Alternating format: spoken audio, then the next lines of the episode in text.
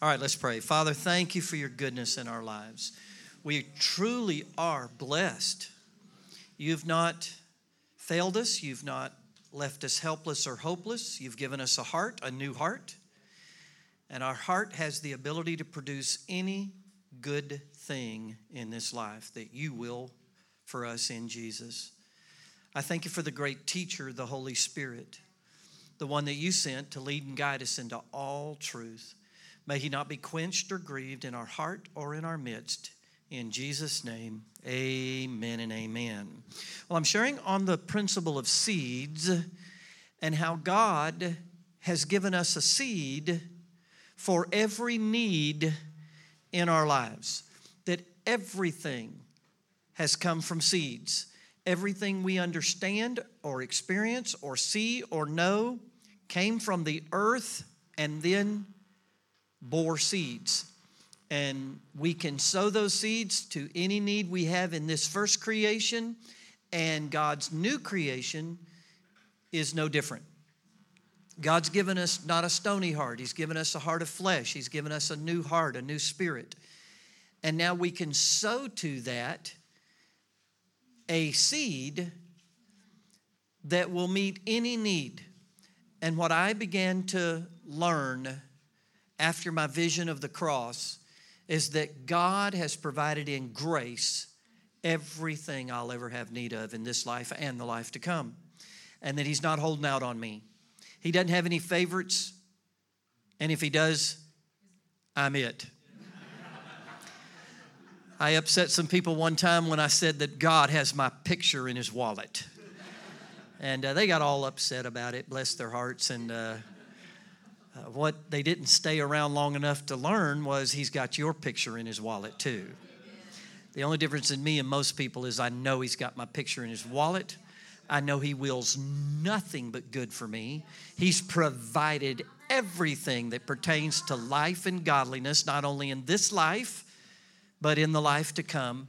And he's given me a bag of seeds. And he said, What do you want? Look in the bag, it's called the Bible, and find a seed. I've given you a seed to meet every need. You have to, by faith, sow the seed. The grace is the ground, it's activated. Grace is activated by faith, and faith is a seed. You'll recall in Luke chapter 17 when Jesus talked about offense in verse 6, he talked about how faith, if you had faith the size of a mustard seed, you could say to this bush, this sycamore tree, Be thou plucked up and planted into the sea, and it would obey you. Notice he called faith a seed. If you had faith the size of a mustard seed, and now I'm sharing with you that the smallest of all seeds is more than enough for any harvest you need. So you don't need any more faith. You need to act on the faith you have. You need wisdom. I did a series and I let the young people now do my graphics because, anyway, let that go. The young people do the graphics and they wanted to rename the, the series Wiz, W I S dash dumb. D U M B, dumb? Okay, that doesn't work here. Wisdom.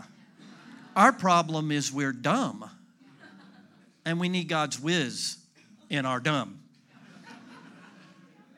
Is this working, Eleanor? Amen. I'm not trying to be funny. I'm trying to make a point that, man, I woke up one day and saw, listen, God's not the problem. I spent 15 years blaming God. I've spent 15 years. Why won't you do this for me? 15 years. How come I don't have a better life? And how could 15 years blaming God instead of realizing the problem was me that God loved me, God had provided everything I have need of, and it's all good stuff healing, prosperity, health, a happy marriage, functional children.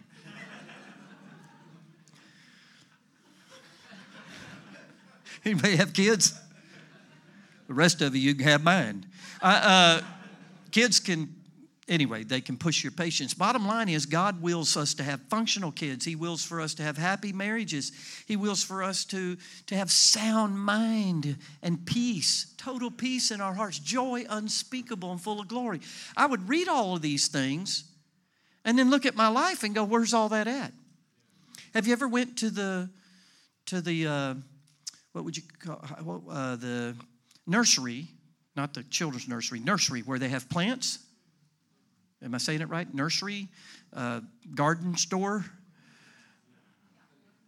Am I okay? And you walk in, and they hand you these these these bags of seeds, and on the front is a picture, and it's a beautiful flower, right? Then you open it up and go, "What is this?" God's word can be that way to most people.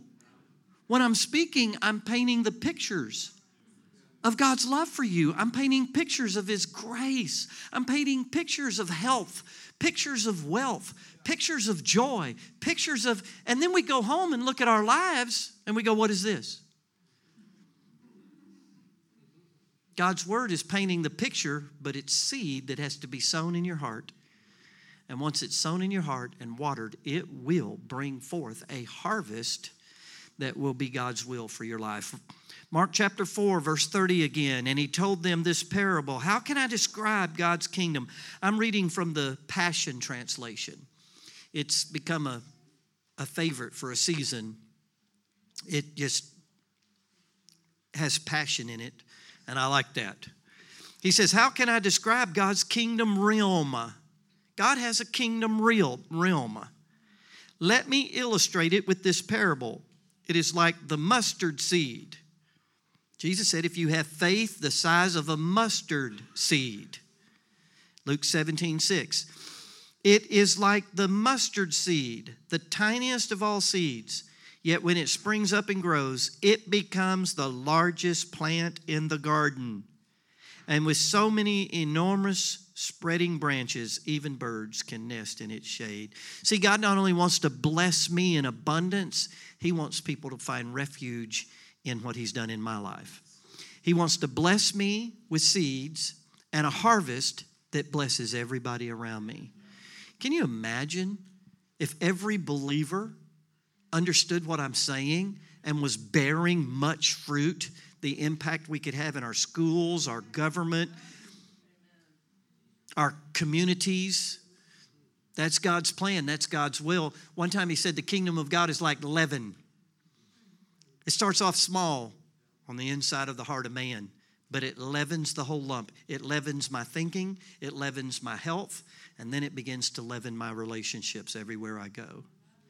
God's word again is seed, and he's saying the smallest of seeds can meet the greatest of needs. The smallest of seeds can meet the greatest of needs. Matthew 14 is where the little boy's lunch is discovered a few fish and a couple of loaves. And the difference in Jesus and the disciples is amazing. Jesus looks at this multitude and they're, they're hungry. They're fainting. And he says to the disciples, Feed them. And the first thing they do is go into the natural realm. I'm not condemning them. We, as pastors, struggle with this as well the needs of the people. How do we meet the needs of the people?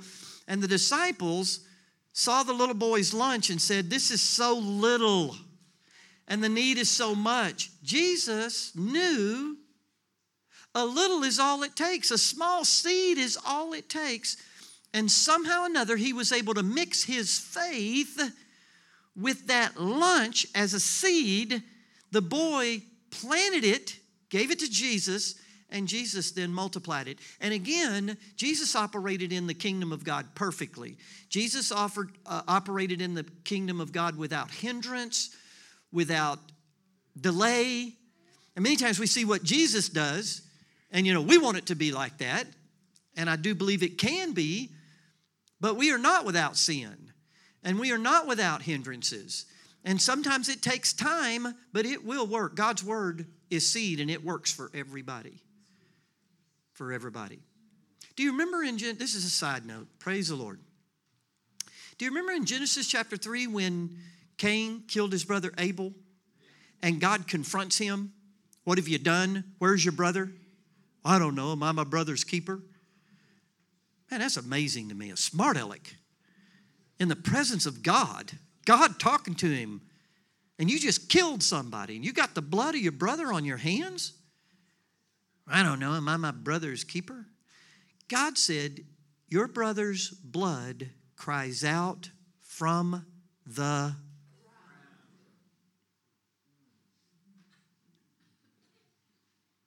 This ground was created to produce. This creation was created to produce. In the old covenant, God said, If my people, which are called by my name, will turn and repent of their sins and cry out unto me, I will heal the land. Sin affects the ground. Do you remember when the spies went into Canaan? All the fruit, it was huge. Just a, a, a cluster of grapes. We've got a cluster of grapes downstairs. A cluster of grapes downstairs. I can hold it like that. The cluster of grapes, they had to put it on a pole, and two men carry it. One cluster. See what sin has done to the planet? Sin affects the ground. That's why the curse of the fall will be removed at Jesus' appearing. And once the curse of the fall of man comes off the ground in the new heaven and new earth, does everybody understand we're not just going to be singing all day long, 24 7 forever in the new heaven and the new earth? I wouldn't want to go if I had to sing all the time. We're going to live lives and we're going to be sowing to a new ground, and the crop is going to be immediate and it's going to be huge. These are the things to come that God is restoring back to the new creation. And so, if your ground is hard, it, excuse me, dyslexia there. It, it, sorry for the translator. If your heart is ground, can you see how sin in your life affects the ground? it hardens the ground. That's why if I'm living in known, habitual, unrepented sin, God still loves me. His mercy is upon me, but I'm damaging the ground. I'm hindering the seed now from producing much fruit. That's why we need to live holy lives. Amen? Everybody knows we need to live holy lives, right? Why? Because sin damages my heart, it damages the ground. It hinders the seed from taking root and me bearing much fruit. So I, I'm not living holy to get God to love me. God never quit loving me, no matter how I live. I'm living holy because I understand my heart is ground and God's word is seed, and I want my heart to be good ground. Hallelujah. Because I'm going to sow and I'm going to see a harvest quickly as I keep my heart, as I guard my heart, my ground. So we see a little can do much. The Bible says that he fed 5,000 men alone with one little boy's lunch. But that lunch had to be given, it had to be sown. If that little boy would have held on to it, it would have remained alone. But anything you sow, you get back good measure, pressed down, shaken together, and running over. Whatever you sow in good ground, you reap abundance. You sow a little, but you reap a lot. 5,000 men alone. If there were 5,000 men there, there was 10,000 women.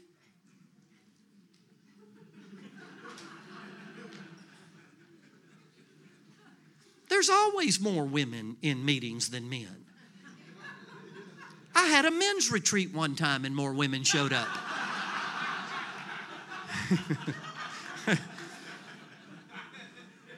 there was six to 10,000 women and kids. There could have been anywhere from 10 to 15 easily thousand people in that crowd, and one seed of a little boy's lunch mixed with faith brought forth after its own kind. Remember, everything has seed and reproduces after its own kind. You want food? We need food? You sow food. You need finances? You sow finances. You need some kindness. You want people to be kind to you? Why don't you sow kindness? Well, I went down to that church and nobody shook my hand. Well, it's evident you didn't shake anybody's hand. Why don't you sow what you want? Why don't you quit complaining about what you don't have and what you're not getting and look at what you do have and learn how to sow to it? That was wonderful. I no clap, no nothing. No, no, no. I think some of you thought you got a slap, so I don't get a clap. I guarantee you, when you see this, your whole life is changed. How you relate to life, how you live your life, you become a good farmer. You become a good sower. You become someone that now is just waiting on a harvest on seeds being sown throughout your whole life. Write down First Kings. I'm going to share some scriptures here and we'll turn to them in a minute. First Kings 17, 8 through 16. 1 Kings 17, 8 through 16. This is Elijah. God instructs him that a widow is going to take care of him. It's during the drought where, where he and God partnered and there was no rain and it, it created a drought. And so now God's providing for Elijah, and he says, I've, I have commanded a woman to take care of you, a widow woman to take care of you. And so he goes to Zarephath, and he sees this widow woman. She's picking up sticks, and he says, Can I have a drink of water? And she heads to the house to get a drink of water and said, Can you make me something to eat? Can you give me something to eat? And the lady said, I don't have anything to eat. All I've got's a little bit of flour and a little bit of oil and I'm picking up these sticks. Now, listen to her thinking. I'm going to cook a cake, bread, a cake.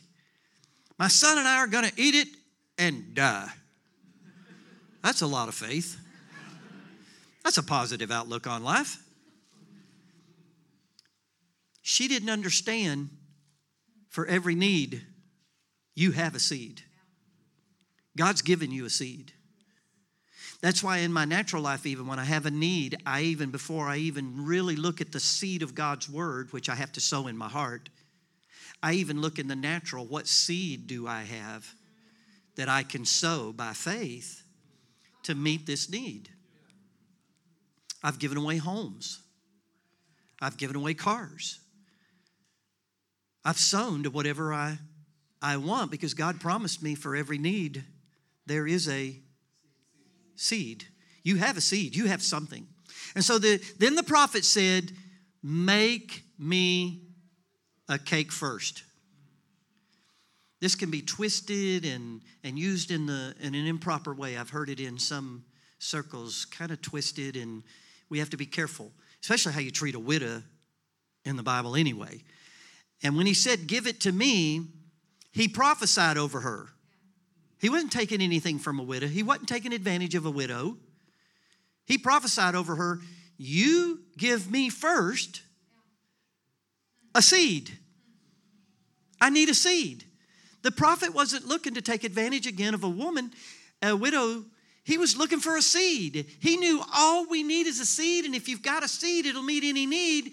And as soon as she said, This is all I got, he's thinking, That's a seed. Just give it to me, and the flour will not, and the container run dry, or the oil. And the word of God came to pass. She sowed that cake into him, and during that whole drought, the flour never, her container just kept filling up with flour. The oil just kept filling up in the container, the jar with oil. We're supposed to read that, and instead of going, That's a good story no, we're supposed to see seed time and harvest. We're supposed to see for every need, there's a seed. This woman was down to the end, ready to die, but she had a seed. And the prophet mixed faith with the seed. She mixed faith with the seed in sowing it, and look at the harvest she got. So we're supposed to learn from those things. All right, God's word is seed. Your heart is the ground. Jesus is the gardener of our hearts. What should have happened, what I pray at least with some of you happened, and perhaps even I didn't leverage the moment we had in worship to yield to the gardener of my heart. I was trying to understand your language better and and but I was worshiping God. I was ministering to the Lord. In John chapter 20, write this down. John chapter 20. I've never heard anybody say this my whole life. And it just shocks me that I haven't heard this growing up in church, being around Christians as long as I've been around Christians. In John chapter 20, the specific verse you need to write down to look at later is verse 15. Verse 15. This is the story of the resurrection, Sunday morning. And Jesus has been raised from the dead. Mary Magdalene goes to the tomb and the stone is moved. She runs back and she, she says to two of the disciples, one was Peter, and in the book of John, John always refers to himself as the one the Lord loved. I mean, if I had to write a book in the Bible, I would say, and the one the Lord most loves, referring to myself. When I'm with Andrew, I'm the one the Lord loves. Sorry, that didn't fly. Bottom, bottom line is Peter and the one the Lord loves ran to the tomb, saw that he wasn't in there, and then they went back. Well, Mary goes back to the tomb, Mary Magdalene, and she goes inside of the tomb. And this is this is amazing. She sees two angels, one at the foot of the bed and one at the feet of the bed. These two angels are a reflection of the cherubim angels that are in heaven that oversee the Ark of the Covenant. In heaven, the Ark of the Covenant had a mercy seat on top where the blood of atonement was laid. And there are two cherubim angels that see each other and look at each other face to face on both ends of that Ark of the Covenant. How many of you know Jesus is the Ark of the Covenant? Amen. Jesus is the antitype of the type of the ark, and all of the life of God was in Jesus, and He laid on that bed, and those cherubim angels were face to face over Him, and that was sacred space. In heaven, where the cherubim angels are face to face over the mercy seat, that's where God met with His people. He met with his people at the mercy seat. Aren't you glad we serve a merciful God, not a mean God? We serve a loving, kind God, not an angry God at us. And so Jesus is that ark. And another interesting thing is he folded up his linen before he was left the tomb. That's a scripture for your children to make their bed. if Jesus made his bed after the resurrection, you're going to make your bed until the resurrection. So he folded up his linens and laid them on the bed. And now Mary begins to weep. She begins to cry, and the angels ask her, Why are you crying? And so she leaves the tomb and she's crying. Now, listen carefully. She sees a man, and verse 15 of John 20 says, She supposed he was the gardener. Sorry, I know what I'm going to say next. It's really good. He's the, she thought he was a gardener. Listen to me. Jesus raised from the dead, the first revelation of Jesus is as a gardener. He looked like a gardener. Amen. Why? Because he's the gardener of the new creation, like Adam was the gardener of first creation. And God says, I've given you this good dirt. I've given you seed and the trees for food, anything you need in first creation in that garden, all you got to do is go get a seed, Adam. Don't be whining to me if you go hungry. There's seed in the garden. Don't be whining to me if you don't have orange juice. I gave you seeds and good ground to plant the seed. You're the gardener of this garden, and you are to keep it, you are to guard it, and you are to till the ground. First gardener failed, first gardener sin, threw our planet into chaos and our cosmos into chaos. The good news is the second man, the last Adam, is the gardener of the new creation, and you're that creation, and God wants to till your heart, your ground, and put the seed of His word in your heart and take His glory now and fill this earth. Hallelujah. Adam failed, Jesus didn't. Jesus is the gardener of my heart. And when we come together and worship like we did, I leverage that time. I'm either sowing a seed, I'm sowing to the Spirit in worship, or, or I'm watering the seed in worship, or I'm yielding to the gardener. And let me tell you something about Jesus. He's the best weed killer in the universe. That didn't work. Am I the only one sometimes that lets bad seeds get in there? Yeah. I need those uprooted, and I need good seed rooted. And Jesus helps me to remove weeds in His presence, things and thoughts. How many of you know words are seeds? Thoughts are seeds. Do you know there's nothing that you see out here that didn't start with the seed of a thought? A microwave. It doesn't just happen. It didn't just happen. Someone sowed a seed in a thought. Your lives that end up out here looking like this, you don't just wake up one day and you're in bed with the wrong woman. Did, did I say that too fast? did I not build up to adultery quick enough? Nobody just wakes up and goes, Who are you? No, it starts as a seed of lust. Nobody murders somebody, just decides, I'm going to kill you. Bang.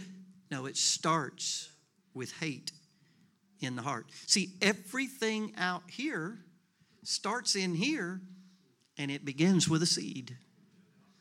I just had to learn how to push out all the bad seeds and put the right seeds in there so my garden can reflect the nature of God. The nature of God. Go to Isaiah. Isaiah 55. Isaiah, oops. Isaiah 55. I'll do the New King James Version. Yeah, amen. Thank you. Finally got a standing ovation.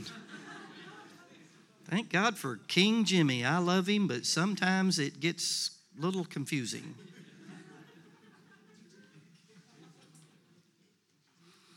Look at verse 8 in the New King Jimmy Bible.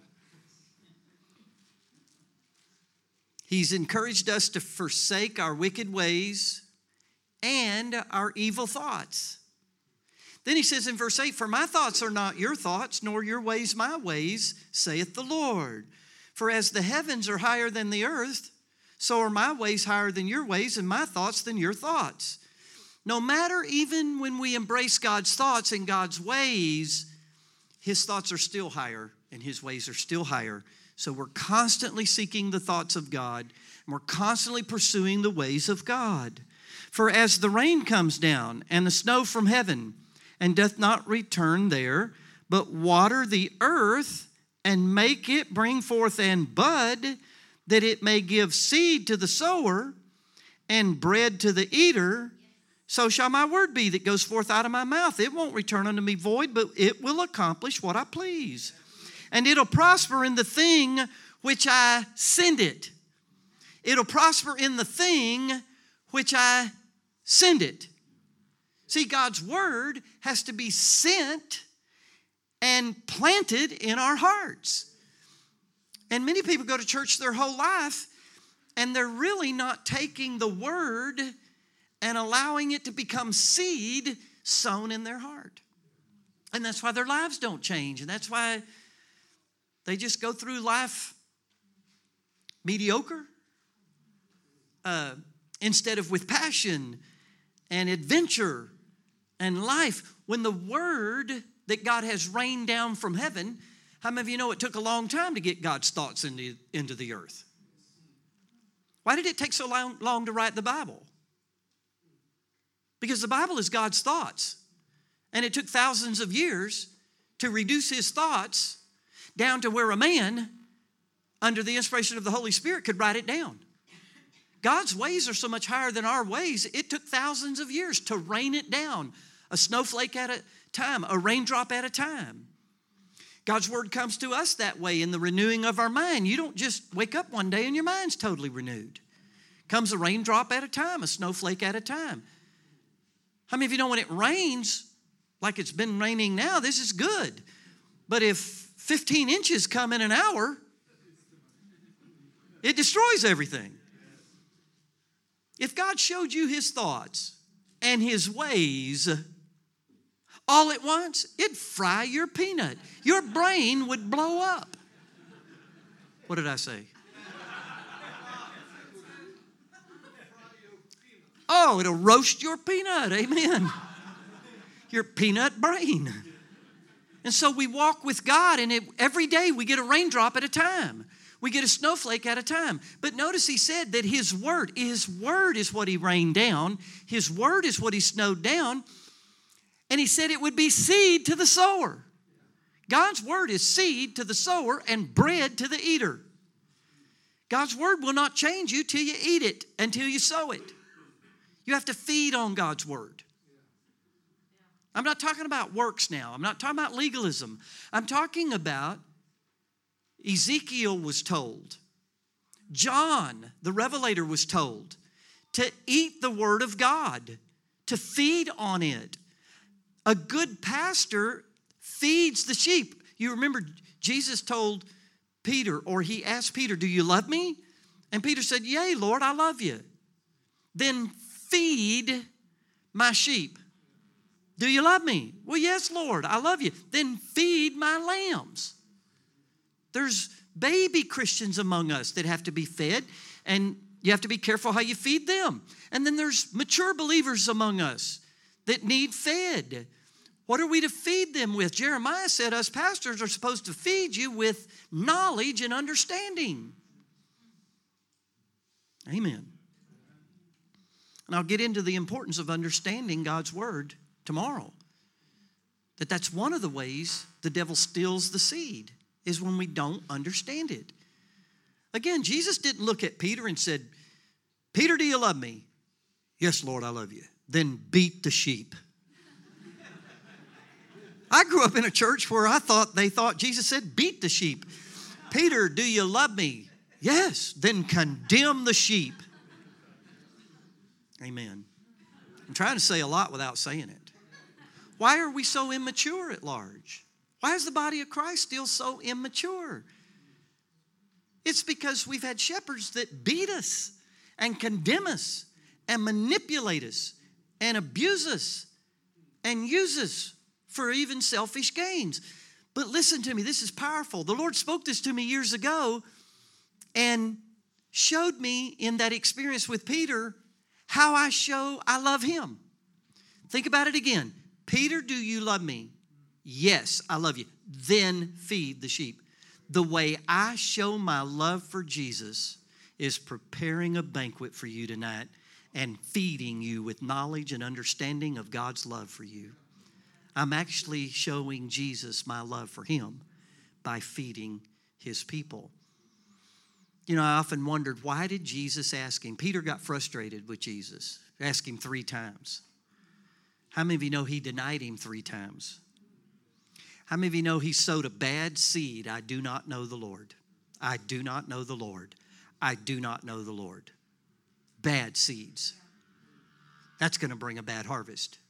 So, Jesus, the gardener of the new creation, comes to Peter and gives him a chance to sow the right seed.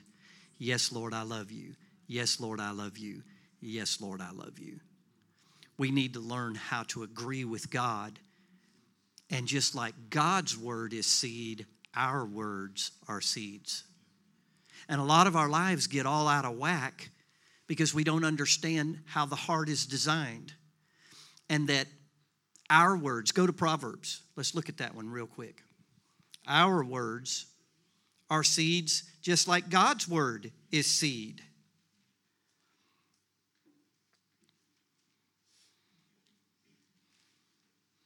Proverbs 18. Look at verse 20. God's word is seeds. He's snowed it down, he's rained it down, and it will not return to him void. Just like if you plant a seed in the ground out there, it will not return void. That seed doesn't return void, that seed returns multiple seeds. God's word is that way. It does not return to him void, but it will accomplish whatever he said it would if it's sent into the heart, if it's planted into the heart. Man is created in God's image and in God's likeness. We are the image of God. We are image bearers of God. We are not God, God is God, but we are containers and expressors of the glory of God. We are image bearers of God. And it's sin that has blitzed and blighted the image of God in man. It's sin that makes us not look like God. It's God's word that restores God's image in our lives as seed. And so we have the choice of words. This is why the animals don't talk. Amen. well, what about the parrots? They're mocking you. God speaks, and image bearers of God speak. God laughs. The Bible says God sits in the heavens and laughs. What is laughter in man? The animals don't laugh. What about the laughing hyena? He's showing you how to do it. He's not laughing like, see, you laughed. He's not laughing like you're laughing. That's the image of God. We are image bearers of God. God's a sower of seed. We're sowers of seeds. This is why you raise your children and you don't speak death over them. You don't speak condemnation over them. You don't speak negative things over them. You speak words of life over your children because you're sowing seeds into their heart. You're painting images on the inside of that heart that is productive and you want the right image in there, you're going to prosper, young man. You're going to overcome. You're going to be the answer, not a part of the problem. You are blessed. You're the head, not the tail. You're not a victim, you're a victor. Quit whining and complaining. We rejoice. Amen. Look at verse 20. I'm in the New King James Bible. A man's stomach, King James Bible says his belly. A man's stomach shall be satisfied from the fruit of his mouth, from the produce of his lips he shall be filled. From the produce of his lips. A man's belly, your belly is your spirit. Your belly is the center of your being where your spirit is. Out of a man's belly, Jesus said, out of his stomach shall flow rivers of living water. But this spake he of the Spirit that had not come yet. He's not talking about your natural gut. Your belly is your spirit. The spirit of man is the candle of the Lord, searching the inward parts of the belly. I look like I have a small spirit. Some of you look like you got a big spirit. Oh, come on, let it go. We've all been given the same measure of faith. We've all been given the same spirit. It's in our spirit. This is why being filled with the Spirit and speaking with other tongues, the way things in your spirit get released is through speaking. Out of the abundance of your heart, out of the abundance of your, your whole heart, shall your mouth speak. So, just like when God speaks, it's a seed. When we speak, it's a seed. Look at verse 21 Death and life are in the power of the tongue, and those who love it will eat its fruit. Everybody say fruit. You can't have fruit without a seed. So our words are seeds. That's why we're not to forsake the assembling of ourselves together, as the manner of some is. But as we see the day approaching, we provoke one another to love and to good works. We continue to be assembled together and speak God's word over our lives. Speak God's word over our marriages. Speak God's word over our children. Our children are blessed. They are going to rise up and possess the gates of our enemies, not fall off the cliff. In Jesus' name. And even if they did fall off the cliff, greater is He that's in Daddy than He that's working in Son. And he doesn't know it, but I got a bungee cord hooked to him in Jesus. And he may go all the way to the bottom, but he's going to spring back, and God's going to use him for his glory. That's what you say over a child that's gone the wrong way. You speak words of life, not words of death. Go to 1 Corinthians chapter 3, New Testament now, 1 Corinthians chapter 3.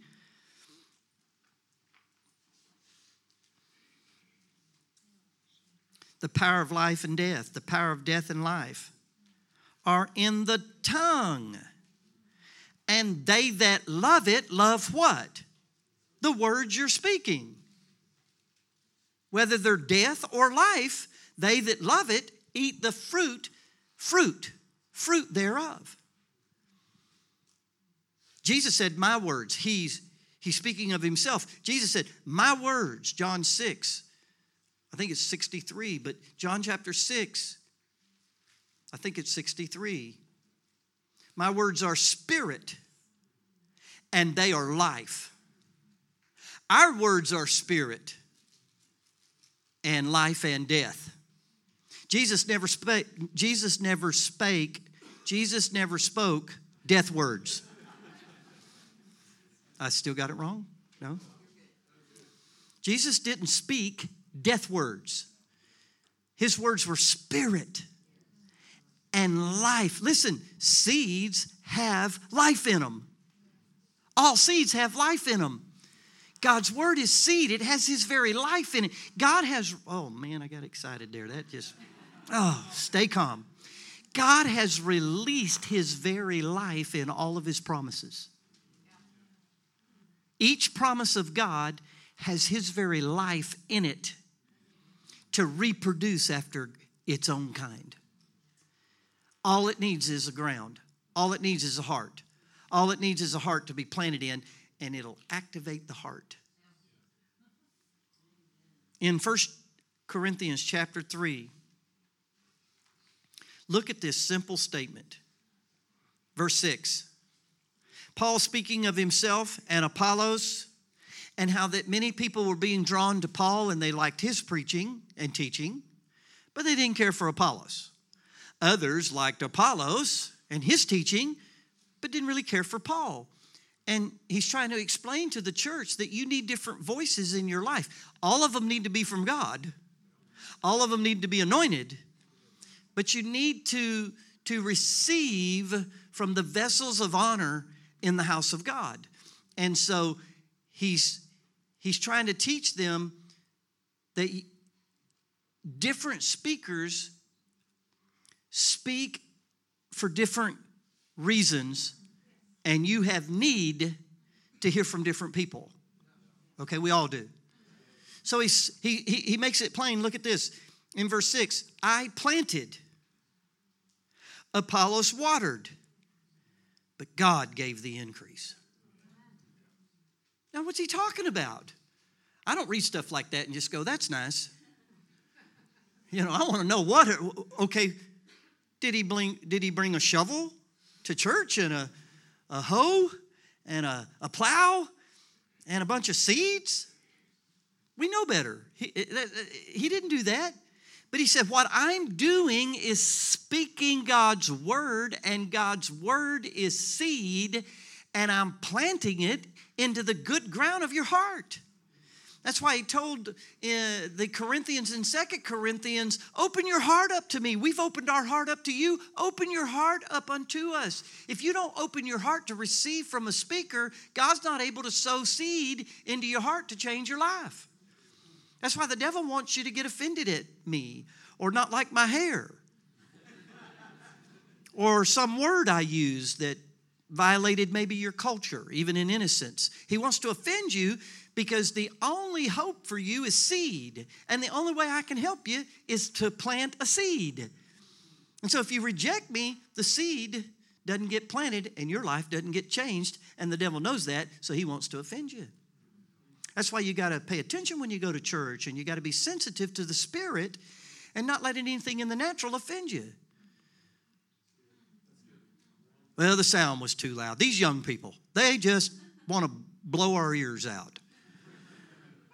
Which actually, that's not a good illustration here. These young people were excellent. I, one of the biggest things in church culture around the world, church culture around the world, is the young people and the, the old people. Don't respond. I didn't, I didn't say who's old. And there's this tension even in worship. And the young people usually want it really loud, and the older people, what'd you say? Oh, low, low, low. Wait till the young people bring the smoke out. That probably, that hadn't happened yet. Yeah, boy. Old people have a meltdown. Smoke. When all through Israel's history, when they set up the tent, you weren't to let the fire go out inside, and there was smoke over the temple all the time. So I had to get used to smoke coming out of the temple.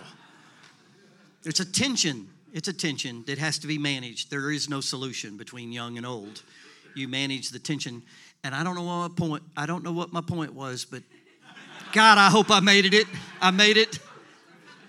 Offended. Yeah, he just wants anything to offend you. The smoke, the loud, the, the lights aren't up. Any, why? He knows if you open your heart to me and I speak from my heart to your heart seed, your life will never be the same. He knows that. So he's always after the seed. He's always trying to get your attention off of the seed because it's the seed that's going to make the difference in your life. It's only God's word that can change your heart and change your life. And so there's this battle in the spirit world over seed and me sowing seed. So Paul says, I planted. What did he plant? He planted God's word. Why does it have to be planted? Because it's seed. Then he says, Apollos watered. Think about that for a minute. Part of good church culture is I should be right now for somebody sowing a new seed. I guarantee I've said some things if you won't abort it, it'll take root in your heart and it'll change your life. God's word has his power in it, has his life in it, but it's in a seed. But the minute it hits your heart, it activates the ground of your heart and starts to starts to produce. Some I'm planting, but watch this. There are people here, I guarantee if we was to ask for testimonies, there's people here, God's already been speaking to you. You've already been thinking about this. You've already learned something about seed, time, and harvest. And there was something I said that I watered the seed.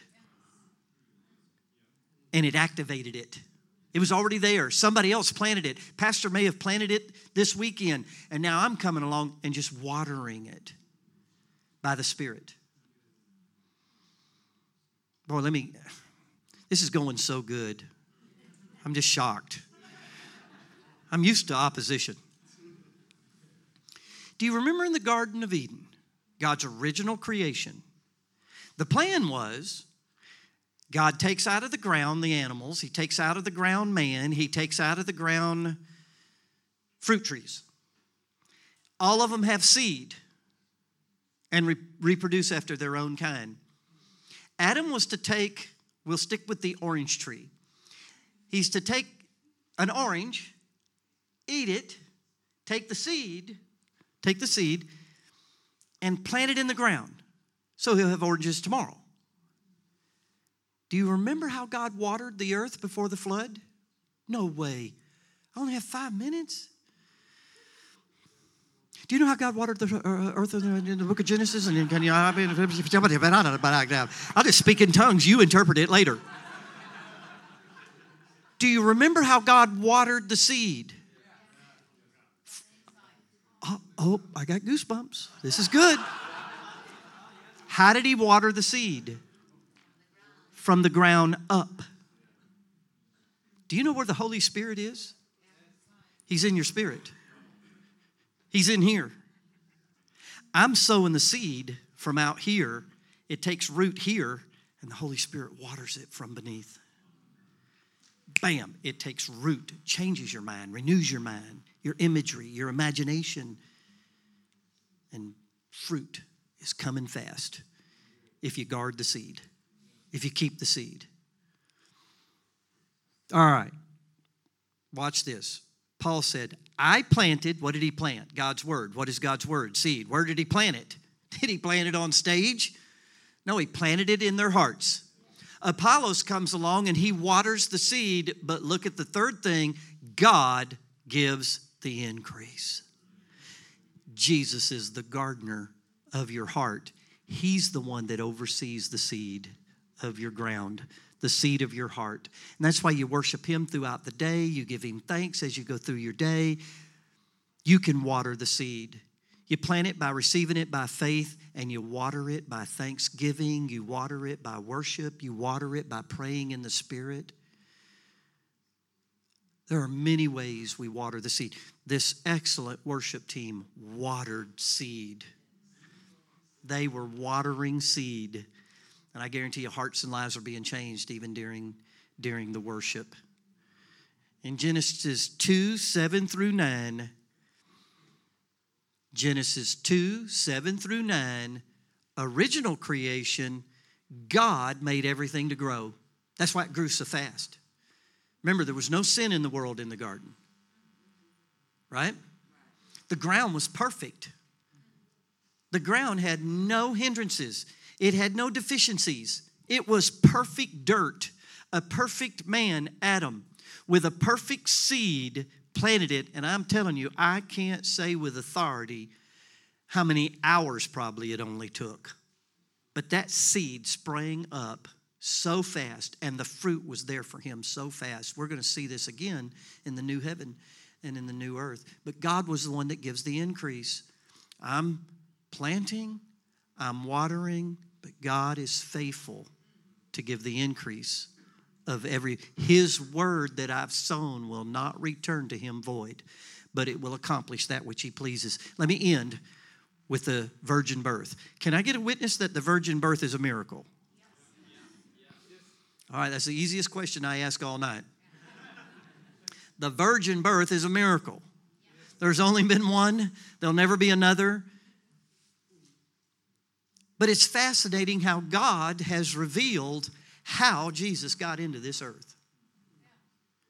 The promise seed. Look at Luke chapter 1. Angel speaks a word to Mary and says, You're going to have a baby. And Mary asks, How can this be?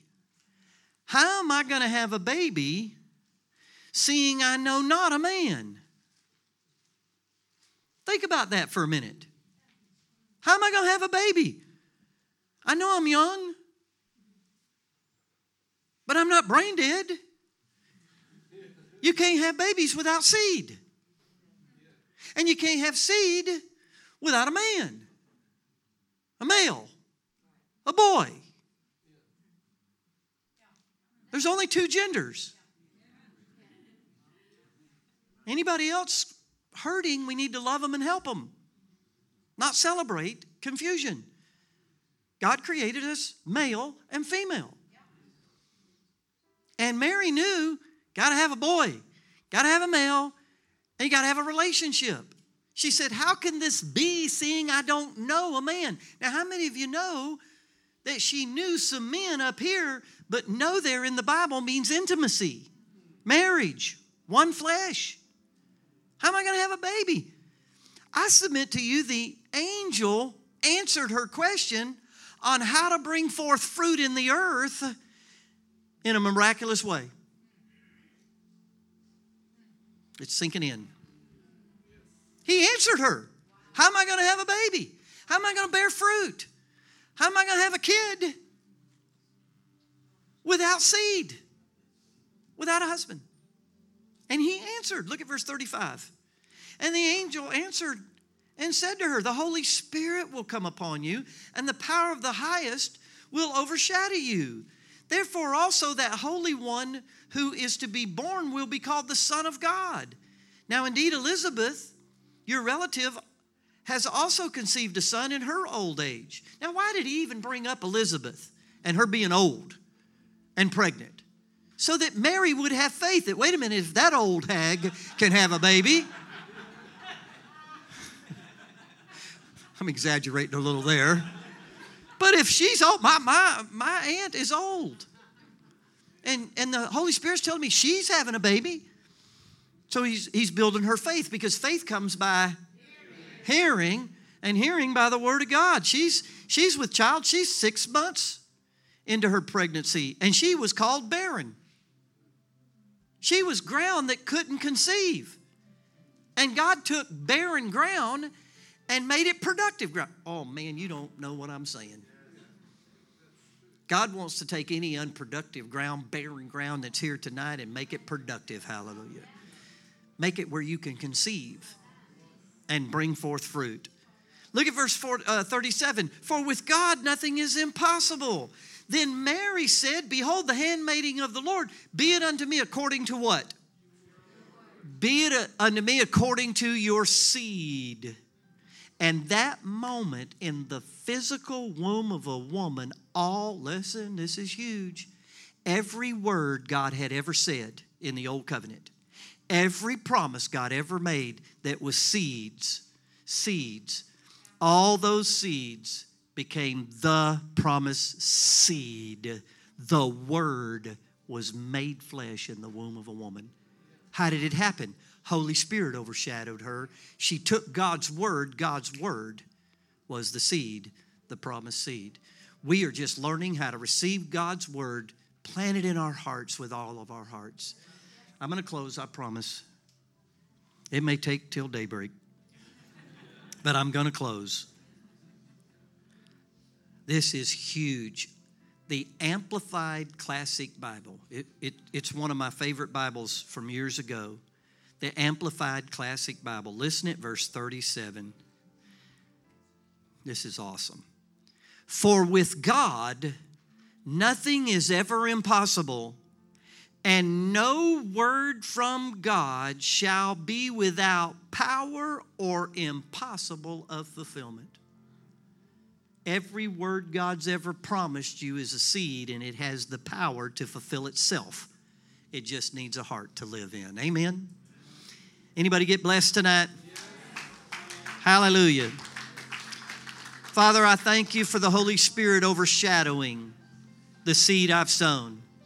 I believe I've sown good seed into a good field, and I bless the seed. I thank you that any promise anyone needs is a seed that you've provided. As it gets in their heart and they meditate in it day and night, watering it, I thank you that it will take root and they will bear much fruit in Jesus' name.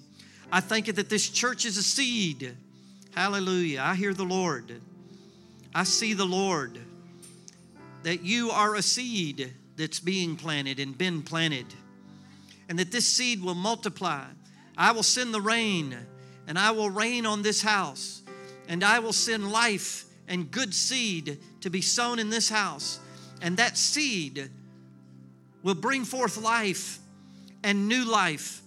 And there will be others raised up out of this house as a seed to be planted in other areas, and other regions. And I thank you now, God, for each individual being a seed. And that we're willing to sow that we might grow.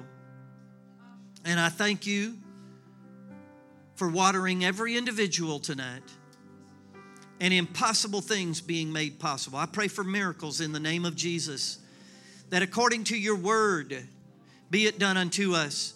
Those that are believing for their children, those that are believing for, for jobs or, or anything, I thank you for the word that's a seed that goes into their heart.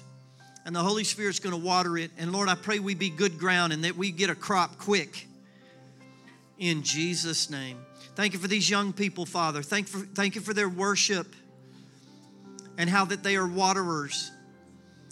And as Pastor brings forth the word, I believe we're going to see an increase of the word multiplying in people's life. That life of the word is going to take effect.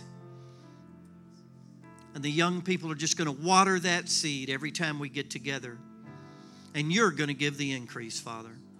Thank you for your promises that are sure, that are certain. And thank you for seed time and harvest. We, we don't understand the time and why we sow a seed and it seems to come quickly, why we sow other seeds and it takes time. Give us patience and trust that your word will not return to you void, but it will accomplish that which you please, and it will prosper in the thing whereunto you send it. Send your word into my heart, O God, and let it prosper. In Jesus' name, amen and amen. Praise God. Thank you, Jesus.